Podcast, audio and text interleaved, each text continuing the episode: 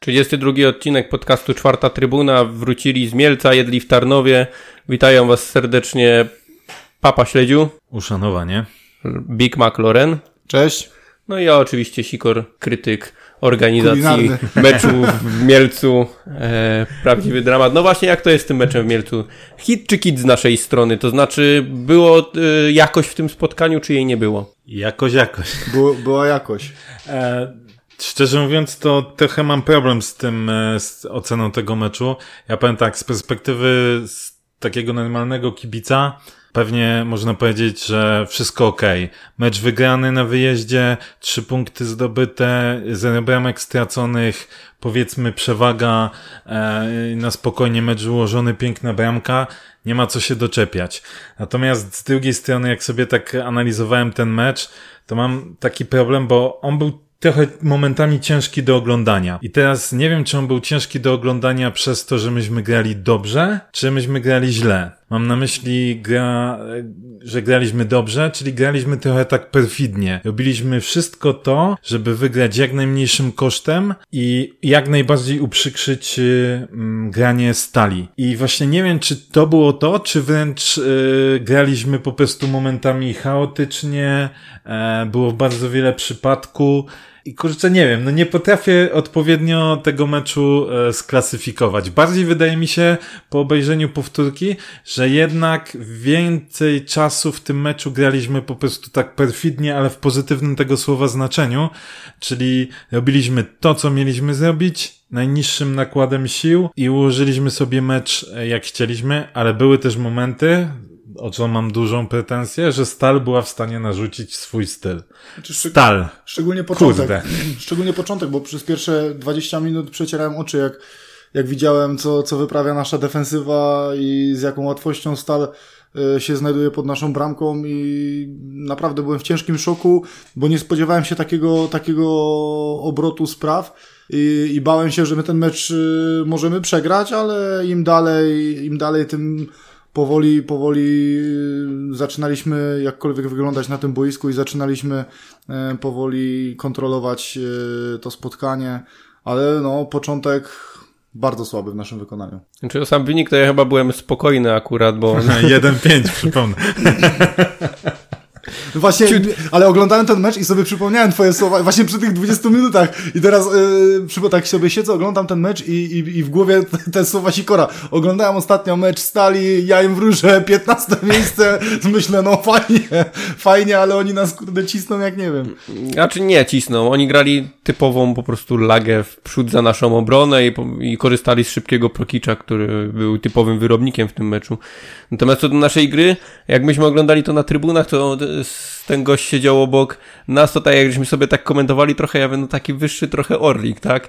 Bramka Manecha oczywiście Stadiony Świata gdzieś to zmieniła e, trochę takie postrzeganie, chociaż na Orliku też takie bramki potrafią paść gdzieś tam. Nie, nie, tyle ode mnie. Gdzieś tam w przypadku. Ja Nie, nie. chodzę na Orlik w przeciwieństwie do ciebie. Natomiast chyba to jak mówi trochę Krzysiu, myśmy tak grali perfidnie i jak najmniejszym kosztem, bo czasami było widać, że, że jak najmniejszym kosztem staramy się e, gdzieś grać, gdzieś tworzyć te akcje. Bardzo duży problem był e, z tym atakiem pozycyjnym, jakbyśmy byli te 35 metrów 40 przed bramką przeciwnika, bo Stal o dziwo bardzo dobrze ustawiała się w defensywie, zamykała gdzieś nam te strefy rozegrania i mieliśmy problem, żeby gdzieś się przedostać do przodu. No ale końcowy wynik był w sumie najważniejszy i te, tak naprawdę będą wszyscy pamiętać trzy punkty e, zdobyte, a nie to, czy zagraliśmy ładnym stylem, czy e, brzydkim. Ale mam też trochę pretensje właśnie przy tym ataku pozycyjnym. yy, W paru momentach za szybko pozbywaliśmy się piłki. Graliśmy, graliśmy atak, atak pozycyjny i, i nie wiem, czy to jest taka, taka, mm, taki dziwny nawyk y, polskich, y, polskich piłkarzy, że jak za długo ta akcja trwa, to czy oni mają jakieś takie, takie ciśnienie, że to trzeba już coś z tym zrobić, bo to, bo to tak nie może być, czy coś. No, parę razy było tak, że naprawdę nie było, nie było piłkarza na pozycji, żeby, żeby gdzieś, y, gdzieś zaskoczyć rywala, A my mimo to gdzieś tam laga do przodu, a nóż się uda, może ktoś przebije coś. No kurczę, grajmy jeszcze może- tą piłką. może jeżeli boją nie się- Ma, jeżeli nie ma od, odpowiedniej, odpowiedniego momentu i nie widzimy odpowiedniego jakiegoś tam zagrożenia z tego, to, to grajmy, no okej, będzie to, będzie akcja trwała dłużej. Miałem wrażenie, że, że na siłę próbujemy się w pewnych momentach pozbyć piłki. Wiesz Może co? boją się, że odgwiżdżą grę pasywną, jak wręcz. No właśnie, dlatego tak myślałem, czy to, Nie. się po prostu tego boją, czy nie?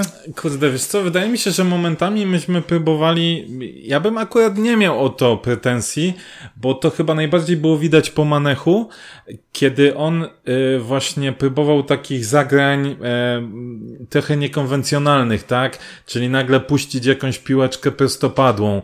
To nie przechodziło, oczywiście zgoda, w wielu wypadkach nie przechodziło, czy też mieliśmy sytuację, gdzie było trochę klepania i nagle długa piła Bochena na przykład na Janże, tak? Janża to jest spóźniony, natomiast wydaje mi się, że to są takie zagrania, takie mm, automatyzmy, które chce trener Broż, żeby one funkcjonowały.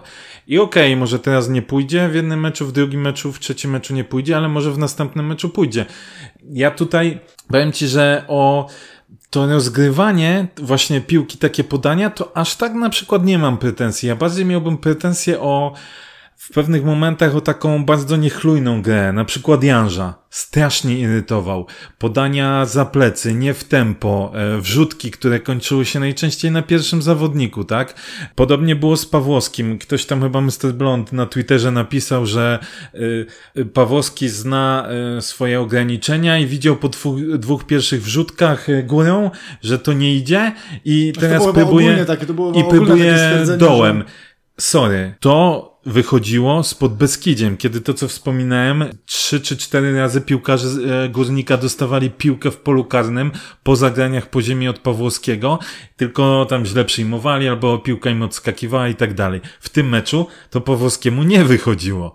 Więc, więc ja właśnie o takie aspekty mam, e, mam pretensje i powiem wam, mam pretensje też trochę do, do Bochena i Wiśni, bo e, na koniec zeszłego sezonu, nawet jeśli były jakieś wybijania takiej piłki, to nie było po prostu wybicie, bo wybicie, tylko to było do zawodników, żeby jeszcze była jakaś gra, coś się działo. A teraz znowu były takie, znowu też takie trochę niechlujne te wybicia. One były takie na zasadzie, dobra, muszę przerwać akcję, wybić tą piłkę i koniec. No nie, to mi się nie podobało, ale całościowo ogólnie, no na plus, no. Tak, tak nie będę to jest, ciężki, to jest ciężki mecz do, do oceniania, bo, bo z jednej strony fajnie, zrobiliśmy co, co trzeba było zrobić, wygrana 2-0, tak jak mówisz, fajnie, fajna bramka, no ale do, do gry jednak jest, jest trochę zastrzeżeń, mówię, no szczególnie ta obrona. No mi się rzuciło właśnie, e, powiem jeszcze jedna rzecz mi się rzuciła w pierwszej połowie. Strasznie łamaliśmy linię spalonego. Był problem, żeby chłopaki utrzymali tą linię zawsze albo Bochen, albo Wiśnia. Gryszkiewiczowi No, chyba najmniej. zdarzało, no Gryszkiewiczowi chyba najmniej się zdarzyło łamać tą linię, ale Bochen z Wiśnią i Mhm. przez to Prokicz miał chyba jedną czy dwie sytuacje takie, że mógł pójść, bo właśnie ta linia była złamana. I tutaj, tu bym poszukał, ale z drugiej strony, no, to, wiem, to też jest jakiś poligon, no, też muszą się na tym, na takiej walce uczyć, nie, tego, Czyli- tego ustawienia. To jest to, o czym też mówiliśmy ostatnio, że na razie, na razie mamy e, mecze z dwoma Beniaminkami pod Beskidzie Stal. E, jakby był bardziej klasowy przeciwnik, to myślę, że w te pierwsze, pierwsze E, pod- 20 minut mogliśmy spokojnie dwójkę przyjąć i... Jaki był dzisiaj wynik pod Beskidzie z Krakowia? 2-2. Wiesz, mecz meczowy jest nierówny. Nie, to, to no jest, jasne. to jest, e, mówię, no, bardziej klasowy przeciwnik na pewno by to wykorzystał. Ale A szczerze, po drugie, Loren mówi o bardziej klasowym przeciwniku, a ty Krakowie. Nie, ale szczerze, e, trochę się obawiałem, zresztą też Grześkowi mówiłem, jak, jak Mac wchodził. Mówię, o kurczę, on może coś tam poszaleć, a wydaje mi się, że Pełkicz nam większe problemy robił niż ten No, Mac na no. skrzydle. Tak, Tutaj taka mała uwaga do Jasia. A, wiedziałem, że pójdzie. Nie, no Szpileczka. bo on chciał Maka, ja mówiłem, że nie bardzo, no. Słuchaj, ja Uważam, też że zawsze chcę bardzo... maka w trasie, szczególnie no, każdy chce maka. A No. on chciał tego ze stali. Nie każdy, dlatego pojechaliśmy do KFC. Wiecie co, to było już kolejne spotkanie z tym 3-5-2, tak trochę dłużymy ten temat tego ustawienia.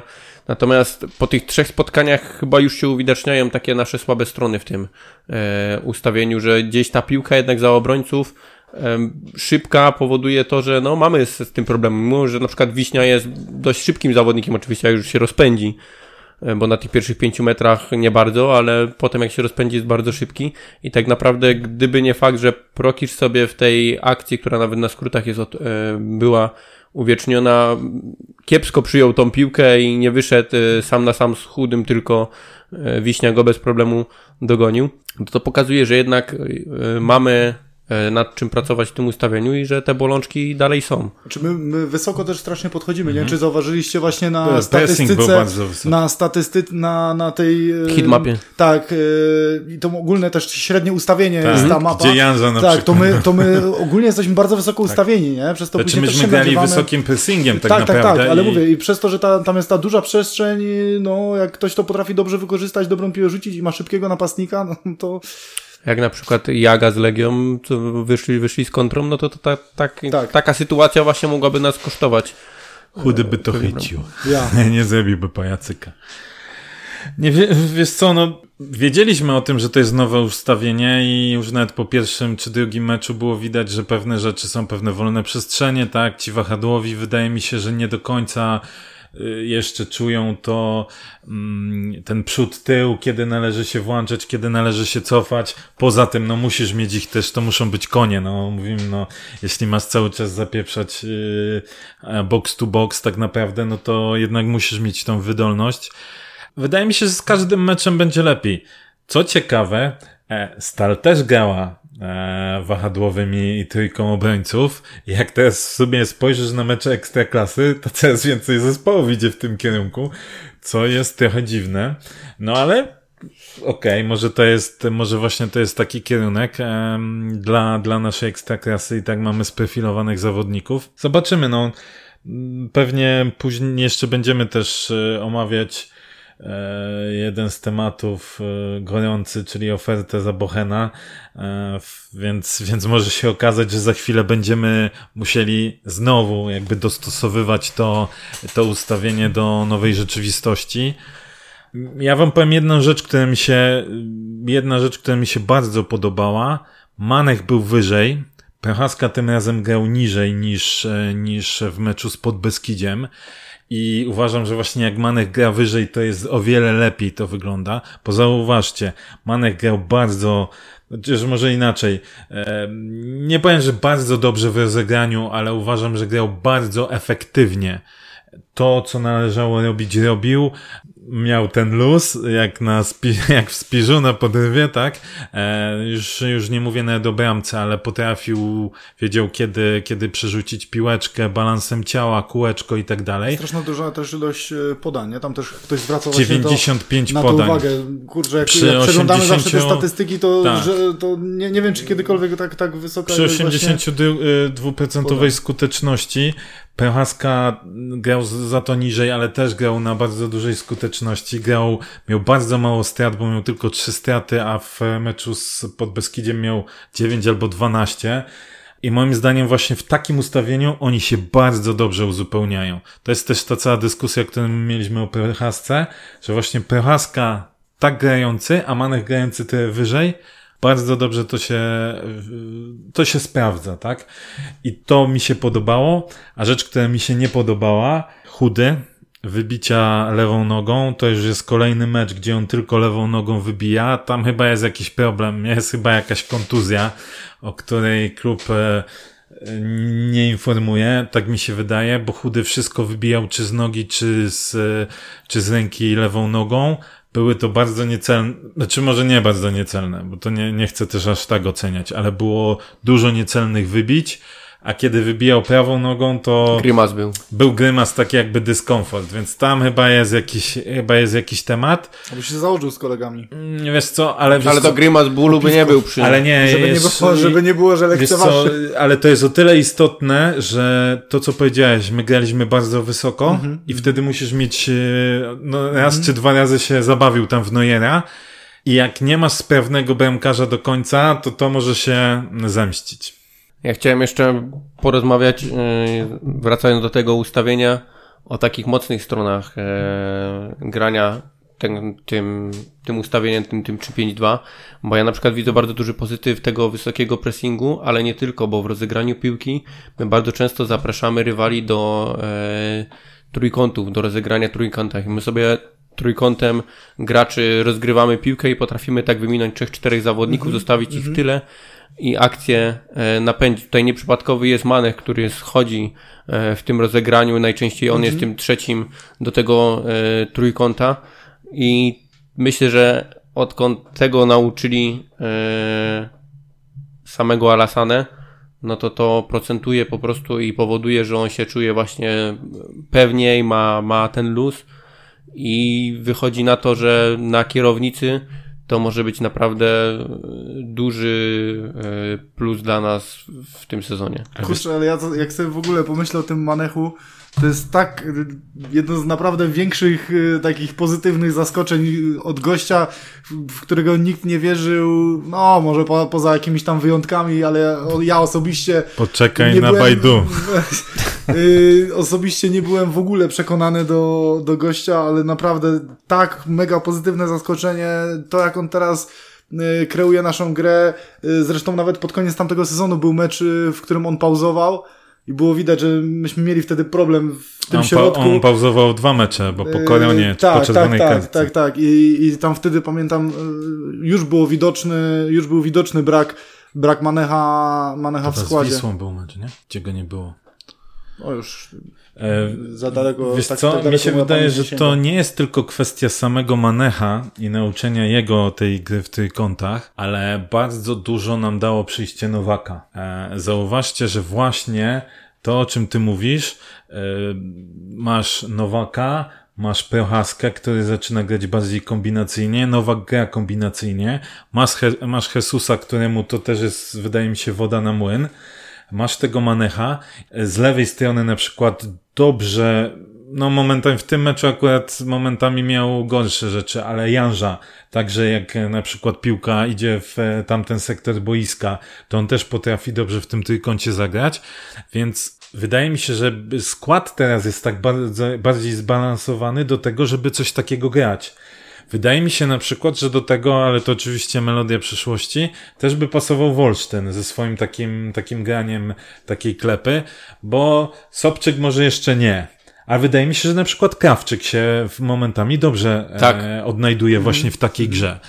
Więc to też jest, Wiecie, no to jest oczywiście też ryzyko takie, że za chwilę nas się też mogą nauczyć, nie? No bo też będą widzieli kilka meczów, będą widzieli jak, jak ten górnik gra, więc trochę inaczej już kluby też będą podchodzić. Tak, bo nawet właśnie to wysokie ustawienie, no to wiadomo, że, że kluby będą też próbowały wykorzystać to to, co próbowała też na początku właśnie mhm. Stal zrobić, także to... Tylko wiesz, my też, się, że my też się uczymy, nie? My też się uczymy tak, ciągle, tak, więc... No my też na pewno będziemy, będziemy reagować. Nie wierzę, że, nie wierzę, że Brosz y, gdzieś też tego, tego nie widzi, że już kluby zaczynają to gdzieś tam czytać, więc na pewno też będzie reakcja z naszej strony, jeżeli chodzi o, o korekty jakieś w tym ustawieniu. Tak, no i myślę, że jeszcze o tym, Grzesiek, co mówiłeś, pozytywy, 648 podań górnika. My mieliśmy mecze, gdzie kończyliśmy mecz z 200, e, nie wiem, 211 podań, się, coś koło tego. Zagłębiem lubimy, bo było 190. Ale mi się ten mecz właśnie dziwnie oglądało, bo nie przywykłem do, do oglądania Czy górnika górnik właśnie jako, 60, jako drużyna, która prowadzi grę. 2 czy 63%, 62 chyba procent posiadania piłki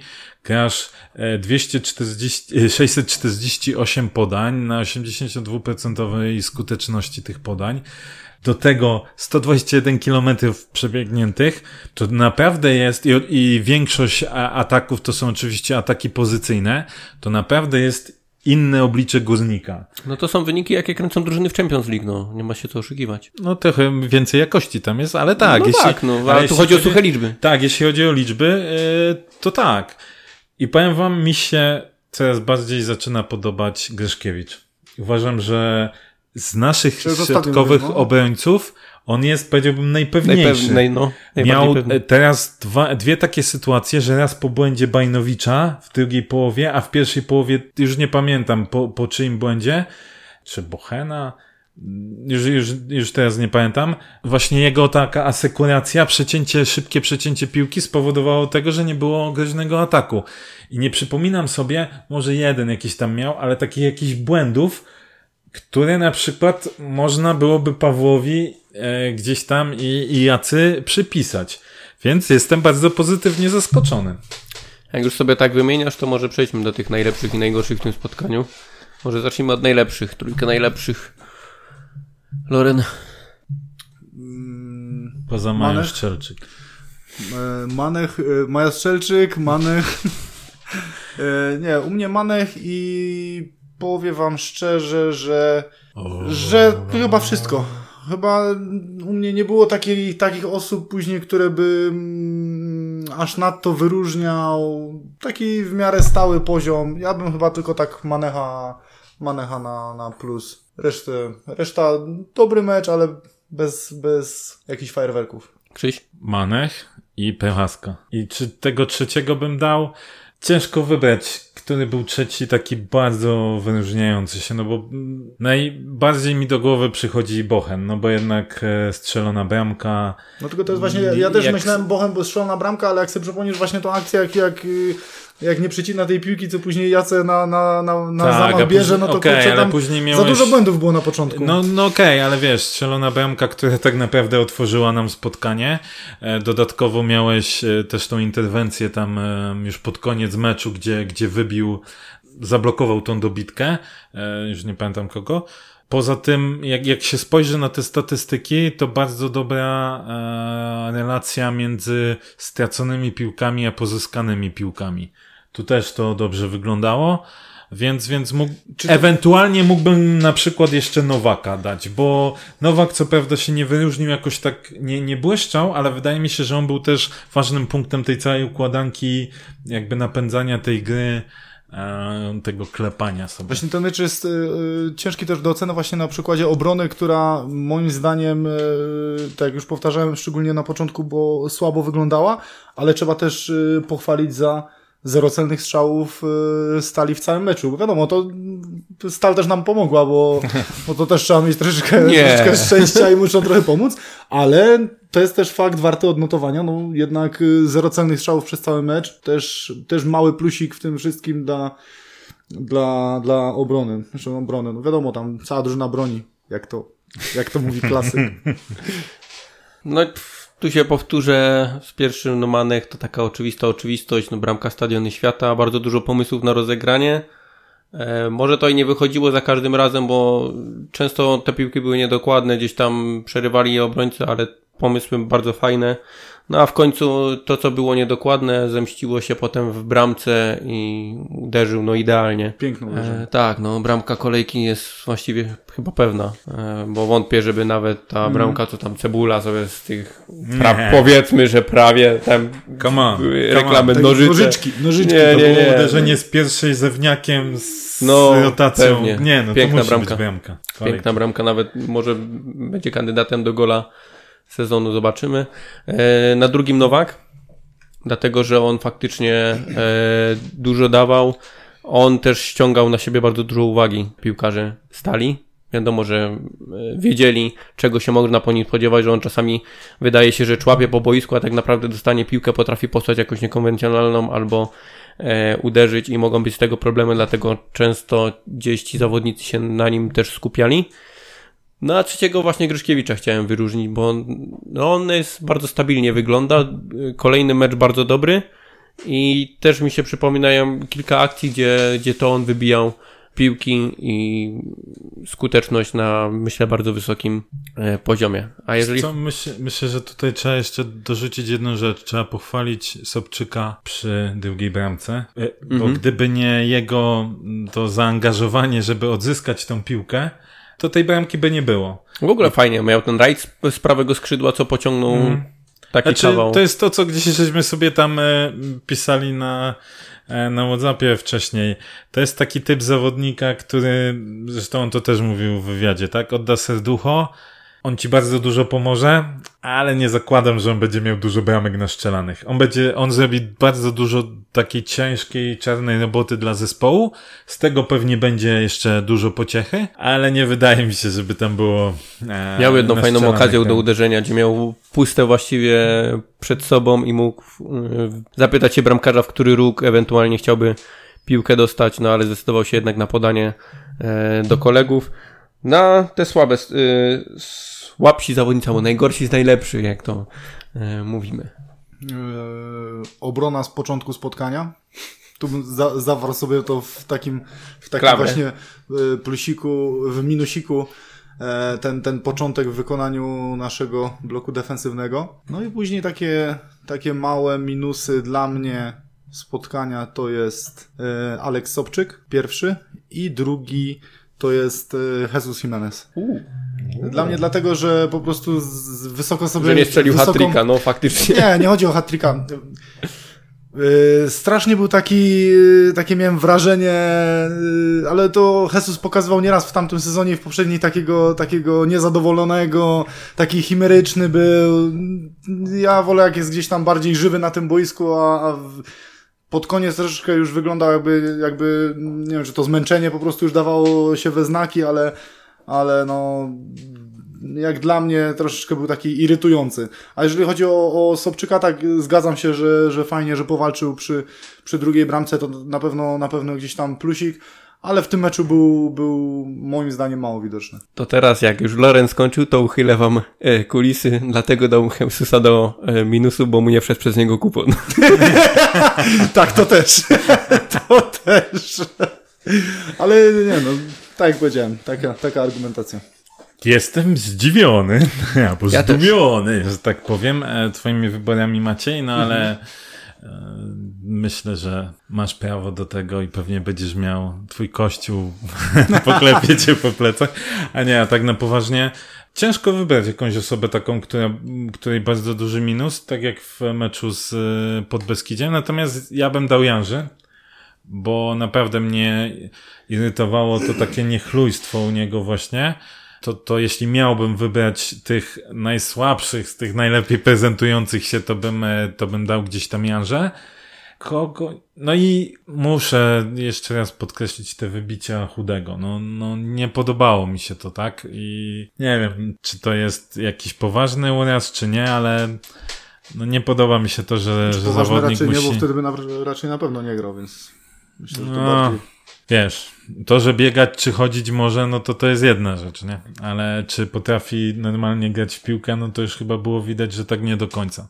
To, to dam jako minus. Ja też rzucę Janże do minusów, bo tyle ile się nakrnąłem na stadionie e, na te jego właśnie niedo- niedokładne piłki, to głowa aż boli. Bardziej E, niż na catering? Albo jego brak?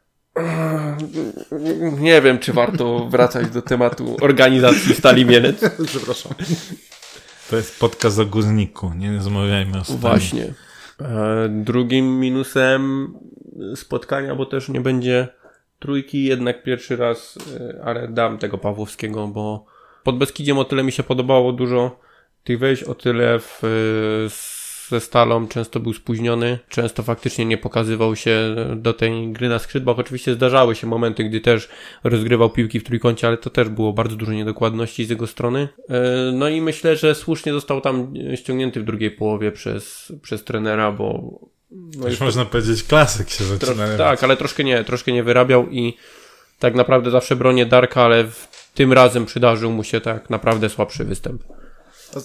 Co, do właśnie tej zmiany, zastanawiałem się w trakcie meczu, mm, był w ogóle Ryczkowski na ławce? Tak, ale- bo to była identyczna ławka jak z pod Beskidziem.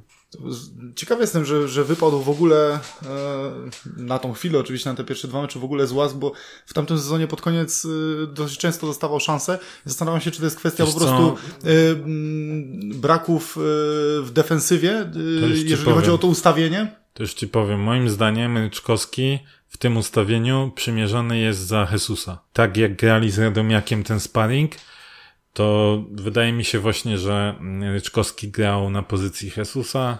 A Jesus jest niezmienialny. Cześć czołem. No bo właśnie tak y, cały czas się zastanawiam nad tym właśnie tym dawaniem, rzucaniem tego prochaski tam później na to, na to Mhm. wahadło i tak, y, tak właśnie zastanawiam się, czemu, czemu nie spróbujemy... Że Pechaska się tam broni, no to nie możesz powiedzieć, że się nie broni. No, czy się broni? Moim zdaniem nie daje... Nie, broni się, broni. y, Nie daje, nic nie, nie, nie gra na minus oczywiście, ale też no, mógłby być ktoś, kto, kto da więcej na tej, na tej jest- pozycji, więc... To jest typowy komentarz, ja dałem też lepsze, ale ja dałem też gorsze. Nie, no słuchaj, Darek Pawłowski, Darek Pawłowski Na pewno, jeżeli mówię, jeżeli chodzi o takie wahadło, podłącza się moim zdaniem częściej niż, niż robi to Prochaska. Wiadomo, on też, Prochaska wchodzi w, na tą pozycję w innym momencie meczu. Już też zazwyczaj gdzieś tam jest końcówka. 60 ale, minuta Tak, ale, ale uważam, że, uważam, że Ryczkowski mógłby się odnaleźć też na tej pozycji. Na wahadle? Nie, nie sądzę. Nie sądzę. Ryczkowski, nie przypominam sobie z jego meczów, żeby można było go chwalić za, za, grę, defensywną. za grę defensywną. No właśnie nie, dlatego mówię, że. Mm, Więc. Dlatego się zastanawiam, czy, w, czy dlatego, że nie dostaje w ogóle szans, czy jest to spowodowane właśnie tymi brakami w defensywie. Bo ile o ofensywę gdzieś tam możemy mieć nadzieję, że coś Swayno, będzie ok. Swayno, Maciej. Tyle właśnie tutaj tak. ta defensywa jeszcze wchodzi w grę przyszedł y, Janis Mazuras, tak? O, właśnie. Więc, więc tak naprawdę to może to nie ma w ogóle tak, opcji, może to nam zamknąć że Ryczkowski będzie mhm. kiedykolwiek na tej pozycji, znaczy no kiedykolwiek, nigdy nie mów nigdy, ale nie, nie, wątpię, wątpię, wątpię. No tak właśnie, bo, bo transfer, transfer Greka zamknął nam też y, temat. Skoro wywołaliście wilka z lasu, no to skrzydła. proszę. Co panowie sądzą o sprowadzeniu e, kolejnego Greka do Górnika? Janisa Mazurasa, wypożyczenie do końca sezonu, raczej bez opcji wykupu. Co, to nie wiemy jak to będzie, czy, czy będzie opcja, czy nie będzie opcja, bo e, o naszych dwóch Grekach, którzy e, byli tak bardzo mocno opłakiwani przez pewien czas w Zabrzu, też były różne informacje, co to, jakie opcje były albo nie były, po czym się okazało, że chyba jednak ich nie było, albo jak były, to myśmy nie chcieli z nich korzystać na takich warunkach, jakie były wcześniej ustalone. Cóż, czy to jest pozycja, która najbardziej była nam potrzebna? Nie jestem do końca przekonany. Oczywiście ta, to prawe wahadło nie możemy powiedzieć, żeby to była nasza mocna, obsadzona, najmocniej obsadzona pozycja. Natomiast generalnie w tym podejściu takim, że mamy sezon przejściowy, gramy Polakami i tak dalej, to Michalski i Pawłowski, Pawłowski, Michalski wydawało się być w miarę sensownym rozwiązaniem, zwłaszcza, że obaj młodzieżowcy, zawsze tam tego młodzieżowca jesteś w stanie w cudzysłowie upchnąć, e, więc, więc to wydawało się ok. Co wiemy o Greku? No trochę niewiele, tak? No, z jednej strony niby zawodnik z Olimpiakosu, więc powinniśmy e, jakieś tam z nim nadzieje wiązać. Z drugiej strony, e, jak popatrzymy na jego przebieg z ostatniej, e, ostatnich sezonów, no to to nie jest, powiedzmy, Wasil, który gdzieś tam regularnie e, sobie pogrywał. Zawodnik przyszedł bardzo dobrze przygotowany, że tak powiem, medialnie, e, bo od razu idealnie powiedział, na jaką pozycję brakuje. idealnie się wstrzelił w, e, w takie mm, umizgi dla, dla kibiców, więc tym bardziej trochę mam włączony taki, taki hamulec, żeby mieć pełne zaufanie na, na początku do Greka. Zobaczymy, no. Bardziej myślałem jeszcze wcześniej, że o tym mówiłem, że przydałby się nam ktoś tam, jakieś żądło jeszcze. A tutaj, no, bardziej mnie w tej całej sytuacji zastanawia, co z Michalskim albo z Pawłowskim. Bo tych trzech nie będzie grało, zwłaszcza, że mamy sezon 30 meczów skrócony tak naprawdę nie gramy w europejskich pucharach, prawda? Znaczy daje Więc... nam ewentualnie alternatywę, jeżeli byśmy mieli wracać też do ustawienia z czwórką obrońców, bo wtedy, wtedy można go ustawić wyżej. Darka Pawłowskiego można zostawić, można go wrzucić. No daje gdzieś tam jakąś alternatywę. Wiadomo, że jest też Puchar Polski, są kartki, są różne rzeczy, także Ale wiesz jakieś co, pole manewru trzech, daje. Trzech, kurde, nie, nie wydaje mi się. Nie wydaje mi się, żebyśmy korzystali przez cały sezon z trzech wahadłowych, czy powiedzmy trzech nominalnych prawych obrońców. Bo nawet gdybyśmy zmienili ustawienie, to pierwszym wydaje mi się w rotacji do skrzydłowego na przykład był Beryczkowski, a nie Darek Pawłowski. Tego nie wiesz. No, no nie wiem, bo nie gramy takim no ustawieniem no w tej chwili. No właśnie. Więc, y, więc no, no trochę mnie dziwi. No ale wiesz, może być kwestia y, przy powrocie na przykład Darka Pawłowskiego na prawej obronie, gdzie grywał, y, Mazurasa na, na prawym skrzydle, i w tym momencie masz jeszcze, masz jeszcze Michalskiego w razie, w razie czego. Także no, daje jakąś tam alternatywę. Tylko tak jak mówisz, jeżeli, jeżeli to jest wypożyczenie do końca sezonu na tę chwilę bez jakiejś tam opcji mm, przedłużania wyku, wykupu czy czegokolwiek. Tak podchodzę na chłodno. No. Zobaczymy, co to będzie. Jeżeli, jeżeli przekona mnie gdzieś tam swoją grą. Niby, Sezon- niby, daje, niby daje alternatywę, ale z drugiej strony, tak mówisz, Coś jeżeli ci- znowu jest ten, mówimy o okresie przejściowym, mamy dwóch młodzieżowców na tej, na tej, na tej stronie. Coś cię To podpowiem. to Sezon tak- cię rozliczy, nie? Czas cię rozliczy. tak, tak. Będzie tak albo We tak. will see. Tak, także to zobaczymy, co pokaże na boisku. Ja nie lubię oceniać graczy przed e, przyjściem, przed zobaczeniem ich na żywo, dlatego wstrzymuję się ze wszelką oceną, czy to umiejętności, czy przydatności e, dla zespołu. Nie chcę też krytykować tego ruchu, natomiast trochę go nie rozumiem właśnie, bo mamy Pawłowskiego, mamy Michalskiego i co się okazuje, mamy Prochaskę na prawą stronę na wszelki wypadek, jeżeli coś by się wydarzyło. A przecież w środku pomocy konkurencja też jest dosyć duża, więc tam ewentualnie, jeżeli Prochaskę musielibyśmy rzucić na tą prawą stronę, no to jest Heidig, jest Kubica.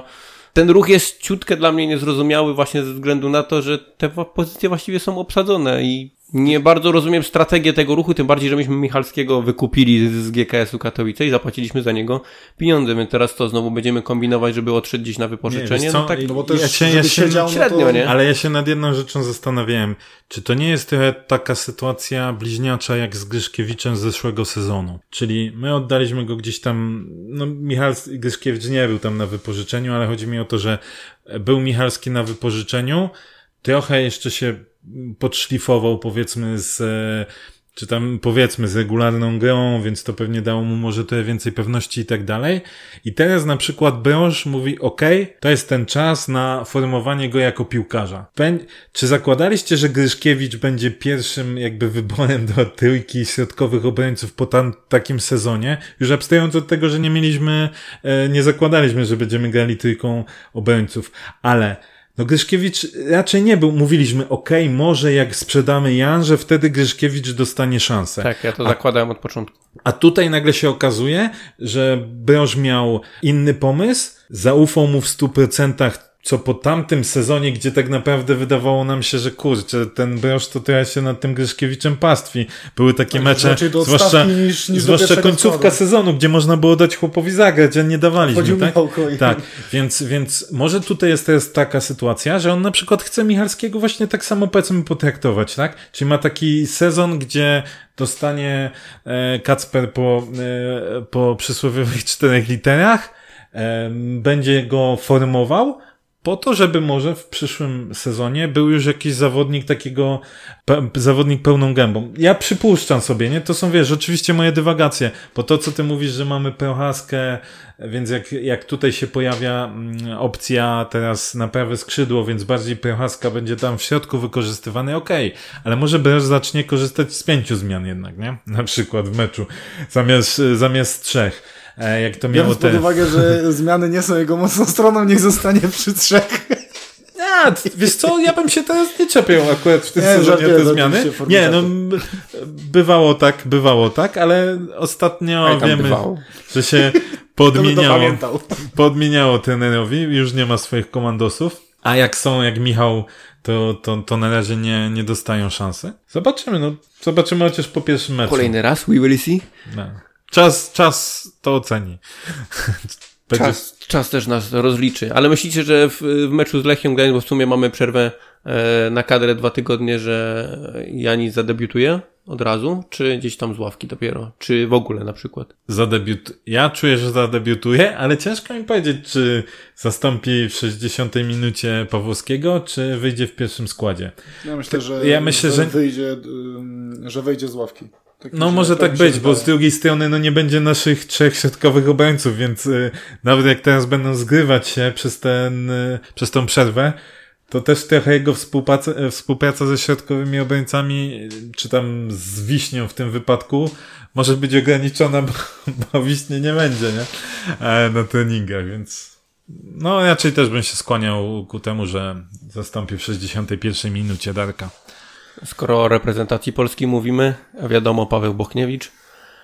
I pytanie, czy to był ostatni gol Pawła e, dla Górnika i taki pożegnalny gol, czy jednak myślicie, że e, zostanie? Co byście zrobili w ogóle na miejscu klubu, otrzymując ofertę za zawodnika, fakt, kapitana bardzo ważnego, e, ogniwa w całej tej układance brosza, ale z rok kontraktu do końca z szansami na przedłużenie jakieś no, bliskie zeru. No i dostajecie za gościa prawie półtora miliona euro, bo tam milion dwieście, tak? Tylko, że już pi- Oferta. pisali, że górnik nie przyjął tej oferty, nie? Było Nie. Nie, że, było, nie, że- nie rozpatrzył w ogóle tej oferty. Aha. Znaczy wiesz, bo nie przyjął, to jest na zasadzie, że odrzucił, powiedział No, nie, no, no, a no, górnik na no. razie chyba w ogóle nie podjął decyzji. Okej, okej, okej. Na takiej A zasadzie. górnik zrobił, że czekajcie, musimy policzyć pieniążki i dopiero będziemy potem myśleć. No ale co wy, wy byście zrobili na, na takim miejscu? Czy jednak byście sprzedali Pawła? Oczywiście, jeżeli sam zawodnik również pisałby się na to, że a wielokrotnie powtarzał, że chciałby spróbować jeszcze raz na zachodzie. I on już nawet wspominał, że kierunek holenderski to jest. Spoko? No, to pytanie do was po prostu, co byście zrobili. Ustawcie się w miejscu, nie wiem, dyrektora sportowego. Ja bym, e, ja bym e, się skłaniał ku sprzedaży. E, Wiadomo, teraz w, e, gdzieś tam interesie klubu jest, żeby, żeby wynegocjować jak najlepsze pieniądze e, za Pawła, ale wydaje mi się, że, że to jest dobry moment, tak mówisz, że ma rok kontraktu, może za niedługo już podpisać e, kontrakt e, z kim chce. Więc to jest jedyna ostatnia szansa, żeby, że- żeby na nim zarobić. Nawet jeżeli chodzi o Pawła, wydaje mi się, że to jest, że to jest chyba odpowiedni moment, y, żeby spróbować y, za granicą w lepszej lidze. Taka mała też uwaga, pamiętajmy, że za Pawła również my zapłaciliśmy. No dlatego mając to gdzieś tam też na uwadze, wydaje mi się, że bardziej skłaniałbym się tutaj ku, ku sprzedaży i, y, i negocjowaniu dobrej ceny. A Te- czy, ja, Teraz słucham Krzysia, bo to będzie najciekawsze. czy ja powiem tak, e, to, że czy myśmy zapłacili za Pawła, czy nie, to ja bym zostawił to trochę z boku. Znaczy, wiem, że zapłaciliśmy, ale chodzi mi o to, że Znaczy Nie. Paweł dawno się spłacił swoją grą, to Czasem nie, ma, tak, nie ma do tego wątpliwości. Czasem trochę inaczej takie rzeczy trzeba rozpatrywać, natomiast powiem szczerze, ja w ostatnim podcaście nawet coś wspominałem o tym, że a może by się tam udało tam przedłużyć kontrakt z jakimiś takimi warunkami właśnie z klauzulą, żeby i klub coś na tym zarobił. No właśnie, swo- przepraszam, że swoją decyzję też właśnie mam to na uwadze, że raczej, raczej już nie przedłużymy tego kontraktu i że te szanse na przedłużenie znaczy tego kontraktu, inaczej. tak Grzegorz powiedział, są praktycznie... Czy powiem tak, równe zero. nawet Tak mi się wydaje, że są przedłużyli, nie sądzę, żeby się udało wpisać milion dwieście euro. I o to się tutaj rozchodzi. Ja bardzo bym chciał, to co mówiłem, bardzo bym chciał, żeby Paweł został w Górniku, Tak, tak, grał tak, przez oczywiście. najbliższe lata, był kapitanem, bo widać, że jemu, on się czuje tym kapitanem, widać, że czuje się odpowiedzialny za tą drużynę. Myślę, że to by też jest fajną taką po prostu osobą, która dobrze robi em, tej szatni e, w kontekście bez tutaj podśmiechujek panowie, w kontekście atmosfery po prostu. Natomiast wydaje mi się, że ja się w życiu nie spodziewałem, że będzie oferta, jeśli to jest prawdziwa, milion dwieście. Że możemy taką ofertę dostać za zawodnika, któremu się kończy za rok kontrakt. No, za niecały rok, tak? Więc ciężkim sercem, ale tak. Ja bym uznał, że, że należy Pawła, Pawła sprzedać. E, może jakąś, nie wiem, zawrzeć ugodę, że jak będzie wracał do Polski, to tylko do Górnika, E, bo oczywiście ja bardzo bym chciał jeszcze Pawła e, widzieć nieraz w koszulce Górnika, ale takie oferty wydaje mi się możemy już nie, nie Jeszcze do tej oferty tam było chyba 10% od 10%, kolejnego tak, tak, transferu. tak, dokładnie, tak. To jest też fajne bardzo, bo No i tak jak mówię, perspektywy- jak pokazuje historia, można na tym całkiem fajnie zarobić po Tak, prostu. tak, tak. No i nawet z perspektywy Pawła, no jest to, jest to lepsza liga, gdzieś tam też okienko wystawowe do jeszcze, do je, jeszcze lepszych lig, także Znaczy- nawet jeżeli patrząc na jego karierę, Znaczy ja powiem tak, się, mi się wydawało na moment, przykład, że Paweł spróbować. wolałby jakieś inne kierunki, ale słyszałem, że kierunek holenderski dla niego jest Paweł w okej. Holandii też jest fajnie. Też nie jest źle. Ale wiesz, on jest sportowcem, on nie może się oddać wszystkim uciechom holenderskim. E, więc generalnie wydaje mi się, że jeśli zawodnik jest z tym ok, klub dostał taką ofertę, tak, niestety. Znaczy, jej pytanie, co dalej oczywiście zrobimy, gdybyśmy sprzedali Pawła. Czy zostajemy przy 3-5-2, a jeśli zostajemy, to kto tam będzie grał? Czy Kubica, czy Koj, Czy, na przykład część, nie, paluszek nie. myślę, że nie jest w rotacji jako e, pierwszy do wejścia. Zwłaszcza, że będziesz miał niedoświadczoną jednak tą linię obrony.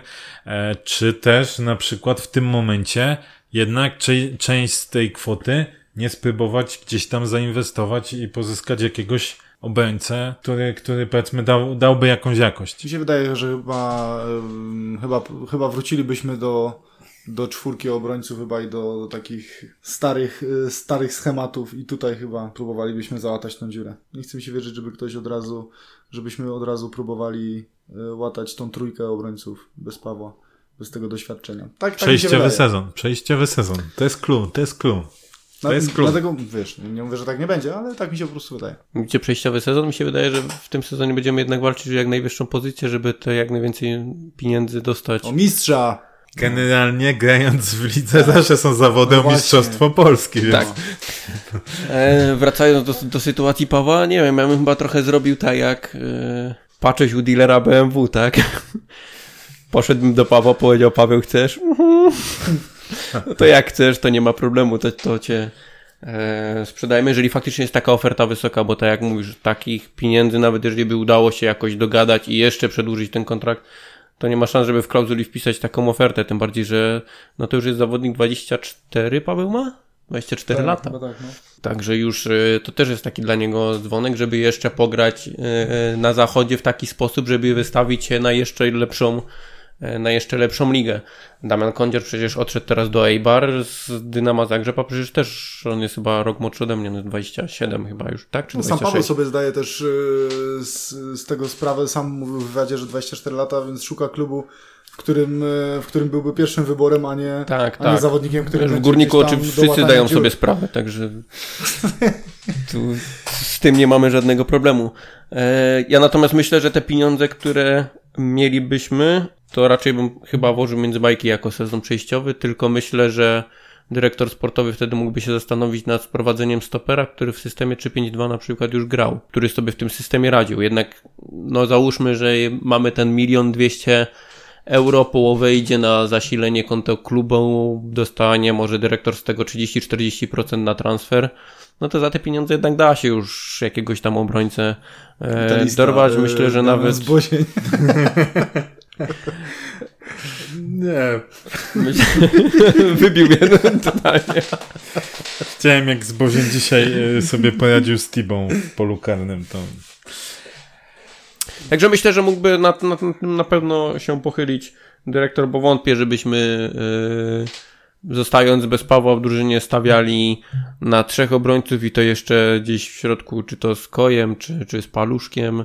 Jeśli chciałbyś doświadczenie, musiałbyś Koja dać bo on jedyny ma jakiekolwiek doświadczenie e, Tylko na poziomie... jeszcze kwestia umiejętności. Ale okej, okay, nie mówię, że gdybyśmy chcieli z tym, co mamy, tak? No, no to, bo, bo nie wiem, wrzucając Kubicę, to masz Gryszkiewicz, Kubica, Wiśnia. No. no, można powiedzieć, Wiśnia już trochę doświadczenia ma, tak? Ale to i tak jest wciąż, e, powiedzmy, małe doświadczenie, patrząc przez pryzmat yy, ogólnoligowy, tak? Więc Pamiętajmy też, że u nas Paweł wyprowadza piłkę wiśnia, jednak w tym elemencie dopiero gdzieś tam e, się uczy i to nie jest e, u niego jeszcze na takim poziomie jak, no, dlatego jak mi się Pawła, wydaje, nie? Że, że tutaj byśmy chyba raczej nie kombinowali. Wydaje mi się Czas nas że... zliczy. Co jeszcze? Oczywiście Jesusik. Jesus, y, który przedłużył kontrakt. Klub, klub raczył nas poinformować o tym, że kontrakt Jimeneza został przedłużony. Tak. No gdyby e, nie przegląd sportowy i Łukasz Olkowicz, to byśmy się oczywiście nie dowiedzieli niczego. No. Tak, i to jest e, o tyle, o tyle dziwne, no, że informacja właściwie o kluczowym obecnie zawodniku Górnika, tak? Zwłaszcza jeszcze po, kiedy po takim meczu. Wyszedł, kiedy, kiedy się ukazał? W tym tygodniu w był. W tym tygodniu był. Przed meczem. Przed meczem. Przed może, meczem. może Jesus sam nie wiedział, w, piąt, y, dlatego piątek? w pierwszym meczu hat-trick, a w tym meczu ze Stalą nic już, bo nagle sam się dowiedział, że ma przedłużony nie. kontrakt. Piątek myślał, albo czwartek. Nie, we, we, tak na wiosnę, niby gdzieś chyba w okolicach kwietnia została umowa przedłużona do 2022 roku. Kurczę, przypominam sobie moje słowa z e, poprzedniego podcastu, tym, że a może jednak e, by się udało przedłużyć e, ten kontrakt z Jesusem, bo znalazł sobie tutaj fajne miejsce i tak dalej, i tak dalej. Tak, ja jeszcze, ja jeszcze mówiłem, że teraz walczy o nowy klub i nowy kontrakt. Może, może tam Chciałem jest, powiedzieć, że ten śledziu to tak czasem może- powiem. może to przedłużenie, na przykład to, że klub nie informował, może wynikało to z tego, że tam może były jakieś warunki do spełnienia i z automatu się to przedłużało. Nie wiem, tak sobie teraz Jak myślę, wchodziłem na stronę klubową i wtedy, kiedy podpisywał kontrakt, to nie No. było żadnej informacji Nie. o Bo możliwości wiesz, przedłużenia. myślę, bo kiedyś jak było z Martinem Chudym, że był kontrakt, e, Tak, i ale też, tam- też kibice się właśnie domagali jakiejś tam odpowiedzi i tam było, że Ale przy spełnieniu odpowiednich warunków Ale była 30 kontrakt się meczów, automatycznie tak, przedłuża i teraz tak sobie po no. prostu pomyślałem, że może przez to, że nie było informacji, to może to było na takiej zasadzie, tym bardziej, że to jest tylko rok, nie? Jak, jak rok? Znaczy no, rok jak przedłużenia przedłużył. tego kontraktu, nie? Że to, że to mi pasuje jakby do tego, że, że przy spełnieniu odpowiednich warunków kontrakt o rok się na przykład przedłuża automatycznie. Nie, myślę, że zasadzie, to było ale- na Nie, takiej zasadzie, nie. że skoro było wiadomo, że Igor odchodzi, to Jesus też mógł się poczuć, no zostaje sam tak naprawdę, ani Daniego, ani e, Igora nie będzie, Może więc... przy okazji, wiesz, e, podwyżka, Podwyżka, tak, pieniędzy, dokładnie. które było powiedzenie mu, stary, te, a ty będziesz ciągnął Dokładnie, tą na tej kobyłę. zasadzie. A przy okazji jeszcze przypomnę, że stawiałem 0-2 w meczu. E, Dzisiaj ma dzień. Dobry podcast był ostatnio. Jeszcze jakieś masz może newsy na jakieś przyszłe wydarzenia? A, Jakieś liczby nic. stotka albo coś? Nie, nie, nie. Czy już nie. wyczerpałeś Kto następny przedłuży kontrakt? Baidu? Ty się nie śmiej, dwie bramki strzelił w rezerwach. Kamil Zapolnik miedzi też. Jak życzę jak najlepiej Kamilowi, niech strzela. Gdzieś słowo klucz w rezerwach. Panie, no od czegoś trzeba zacząć, no. Krzysiu też od razu nie zaczynał od 100, czekaj, Krzysiu też nie zaczynał od razu od 120 kilo. Kontynuujmy tego. Ty tam w rezerwach tam się łapiesz, nie? Tego tam twojego klubu tam ósmoligowego, czy którego. Nie. Rodło, siodło, co to było? Rodło, rodło górniki. Ja tutaj y, mam nadzieję, że słuchacze pojedziecie z nimi. Jest to, y, wychowankiem klubu jest, y, jest Wandzi. Tak, wiemy. także Nawet sam mówił e, szacunku, Józef Wandzik trochę na stadionie. Górnika, że jest wychowankiem. Dokładnie, do szacunku. Do Wandzika i do Rodła tak, do ciebie nie. I vice versa. Przerwa na reprezentację dwa tygodnie. E, nie wiem, czy pamiętacie, ale my zazwyczaj po tej przerwie reprezentacyjnej tak różnie wyglądamy na tym boisku. Częściej jednak słabiej niż e, lepiej. Może tym razem będzie lepiej. Gram przeciwko Lechii Gdańsk, która ten sezon no, tak wystartowała średnio. Chyba trochę rozczarowanie z ich Lechia strony. bez Bo... nalepy, nie? Który dostał czerwoną kartkę. Tak, tak. Więc to jakiś, jakiś plusik można powiedzieć. Dwa mecze, trzy punkty na ich koncie. Przegrana ostatnio e, z Rakowem.